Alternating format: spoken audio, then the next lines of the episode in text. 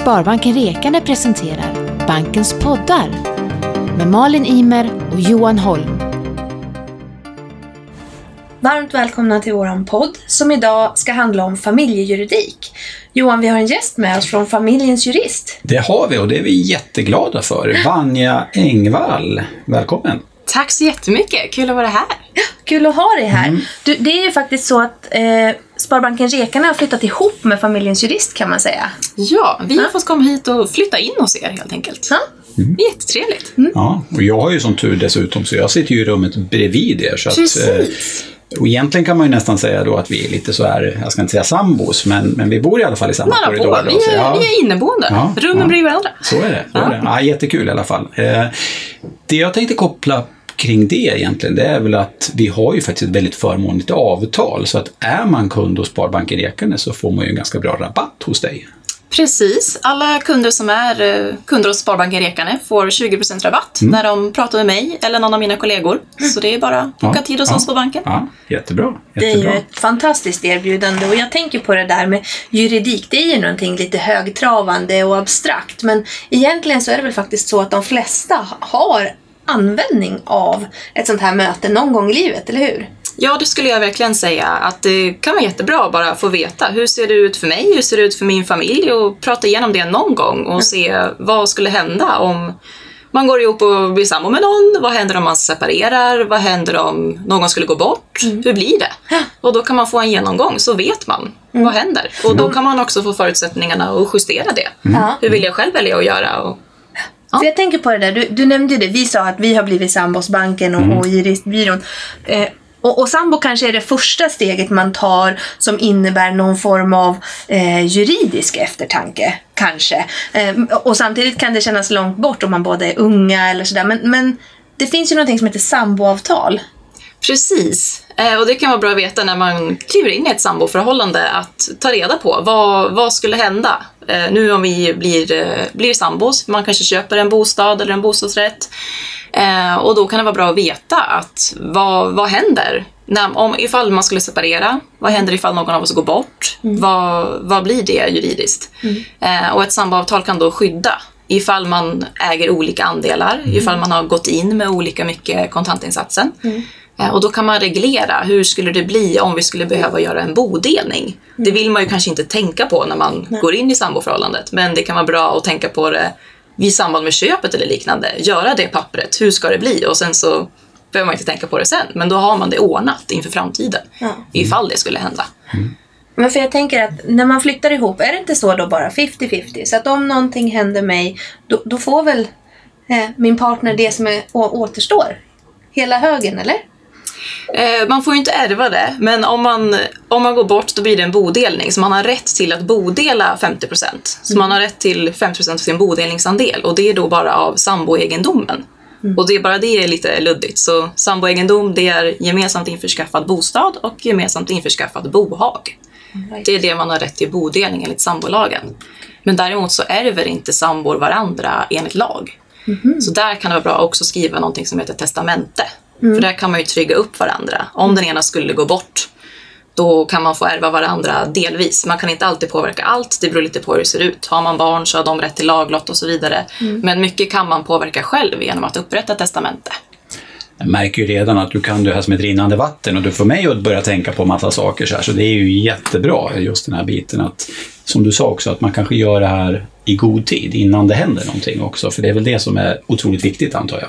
Precis, det går ju inte att åtgärda alltid. Om man redan är mitt uppe i separationen, då om man inte har gjort ett avtal som skyddar båda parterna, då, då blir det enligt lag och då kan den ena förlora på det.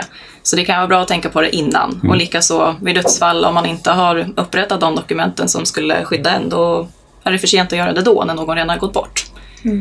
Det känns som att juridik, det handlar lite om proaktivitet. Ja.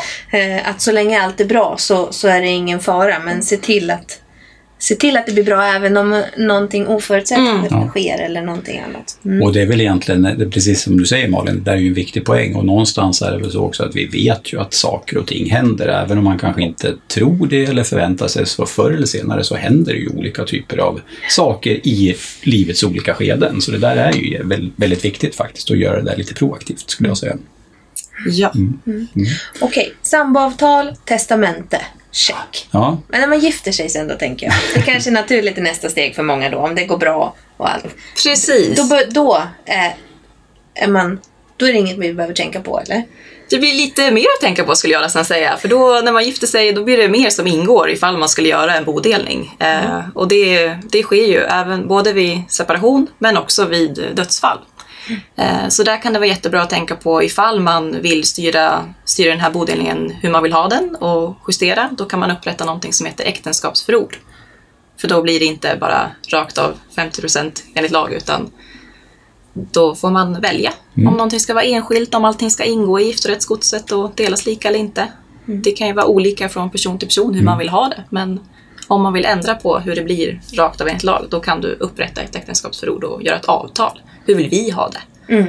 Precis, och det känns ju också klokt att göra det så länge man är vi och överens. precis. precis. Eh, Ja. Och varandras bästa i sitt tycke. Så är det ju. Ja, nej, men det är spännande. Eh, Jag vet att nu har vi pratat lite samboavtal, lite testament, eh, lite äktenskapsförord. Men någonting som har varit väldigt aktuellt de senaste åren också, som jag ska inte säga att det är nytt, men det är ju ändå så att eh, det har kommit de senaste åren, det är ju det här med framtidsfullmakt också. Vad, vad skulle du liksom vilja säga kring det egentligen? Vad, vad, vad är fördelarna med att skriva en framtidsfullmakt? Det är ju att man får bestämma själv eh, och där får man känna efter hur man vill ha det. Hur, hur vill jag att det ska bli om jag själv inte kan för, eh, ta hand om min egen ekonomi och fatta beslut? Eh, så om man blir sjuk, om man skulle bli dement eller få någon annan sjukdom som sätter sig på sinnena och inte kan fatta egna beslut, då får man välja och utse. Vem vill jag ta hand om min egendom, fatta beslut åt mig och förvalta det jag har helt enkelt. För det där tror jag är en viktig skillnad som, som vi på banken ofta märker att det kan ju vara kunder som har utsett någon att ha en generell fullmakt för sin eh, ekonomi. Men blir man då eh, diagnostiserad med en demenssjukdom då gäller ju inte den fullmakten längre. Och här är det lite tvärtom, att en framtidsfullmakt faktiskt träder i kraft. Precis, den typen av fullmakt som framtidsfullmakten, den gäller bara vid sjukdom. Medan andra fullmakter, de gäller bara så länge den som har gett ut fullmakten kan ta tillbaks den.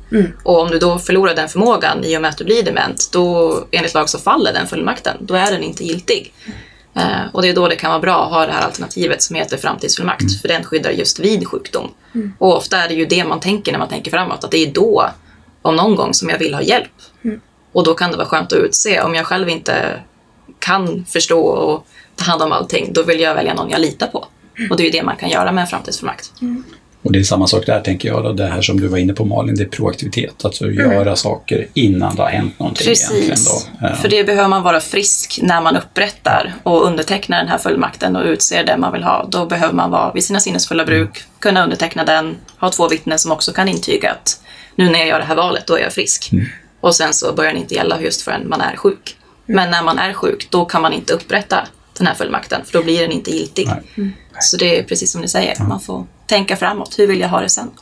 Återigen, du kan ju det här som ett rinnande vatten känner jag. Och det här är ju bara en liten del av de tjänster ni kan hjälpa till med också. Så det finns ju mycket annat. Så det här är väl de vanliga vi har pratat lite grann om eh, idag, får man säga. Men hur gör man nu om man vill ha kontakt med dig? Eh, boka via banken? Absolut. Ja. Ni kan ju alltid, antingen så kommer man in på kontoret, men fördelaktigt är att ni ringer 0771 82 70 00 och via vår telefonbank gör en tidsbokning hos familjens jurist. Vi hjälper er att förmedla en kontakt, ska vi säga. Precis. Ja. Och så har vi det där fina då, att vi får lite rabatt också om man är kund hos Ja. banken. Så att, eh, 20% rabatt på alla våra dokument och på vår rådgivning. Eh, vi kan också passa på att tala om att vi har en gratis tjänst som kallas för livsbesiktning. Så om man inte riktigt vet vad behöver jag, vad behöver någon i min familj, då är man jättevälkommen på en gratis rådgivning. Och då går vi igenom, hur ser det ut för dig? Är du sambo? Är du gift? Har du barn? Äger du hus? Och då går vi igenom vad sker för dig ifall man skulle vara med om en bodelning, ifall man skulle vara med om ett dödsfall eh, och ifall man skulle bli sjuk. Och så går vi igenom de här grunderna och då betalar man ingenting.